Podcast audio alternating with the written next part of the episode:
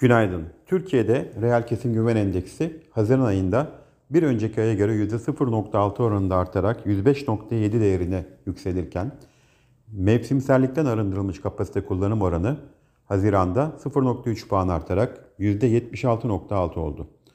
Cumhurbaşkanı Yardımcımız Sayın Cevdet Yılmaz ile Hazine ve Maliye Bakanımız Sayın Mehmet Şimşek'in ekonomik işbirliği imkanları ile ilgili görüşmeler yapmak için Birleşik Arap Emirlikleri'ne bir ziyaret gerçekleştirdiği belirtildi.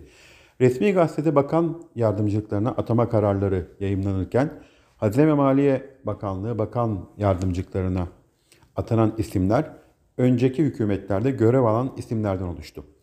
FED Başkanı Jeremy Powell yaptığı açıklamada FED para politikası kurulu üyelerinin çoğunluğunun faizlerin yıl sonuna doğru bir miktar daha arttırılmasının uygun bulunduğunu ifade etti.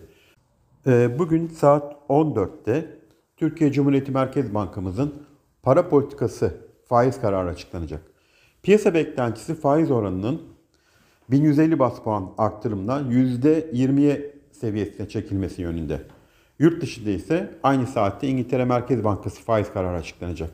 Faiz oranının 25 bas puan arttırımla %4.75'e yükseltilmesi bekleniyor. Bu sabah Asya piyasaları satıcılı, Amerika vadeliler ise hafif satıcılı seyrediyor. Borsa İstanbul'da hafif alıcılı bir başlangıç öngörüyoruz. İyi günler, bereketli kazançlar.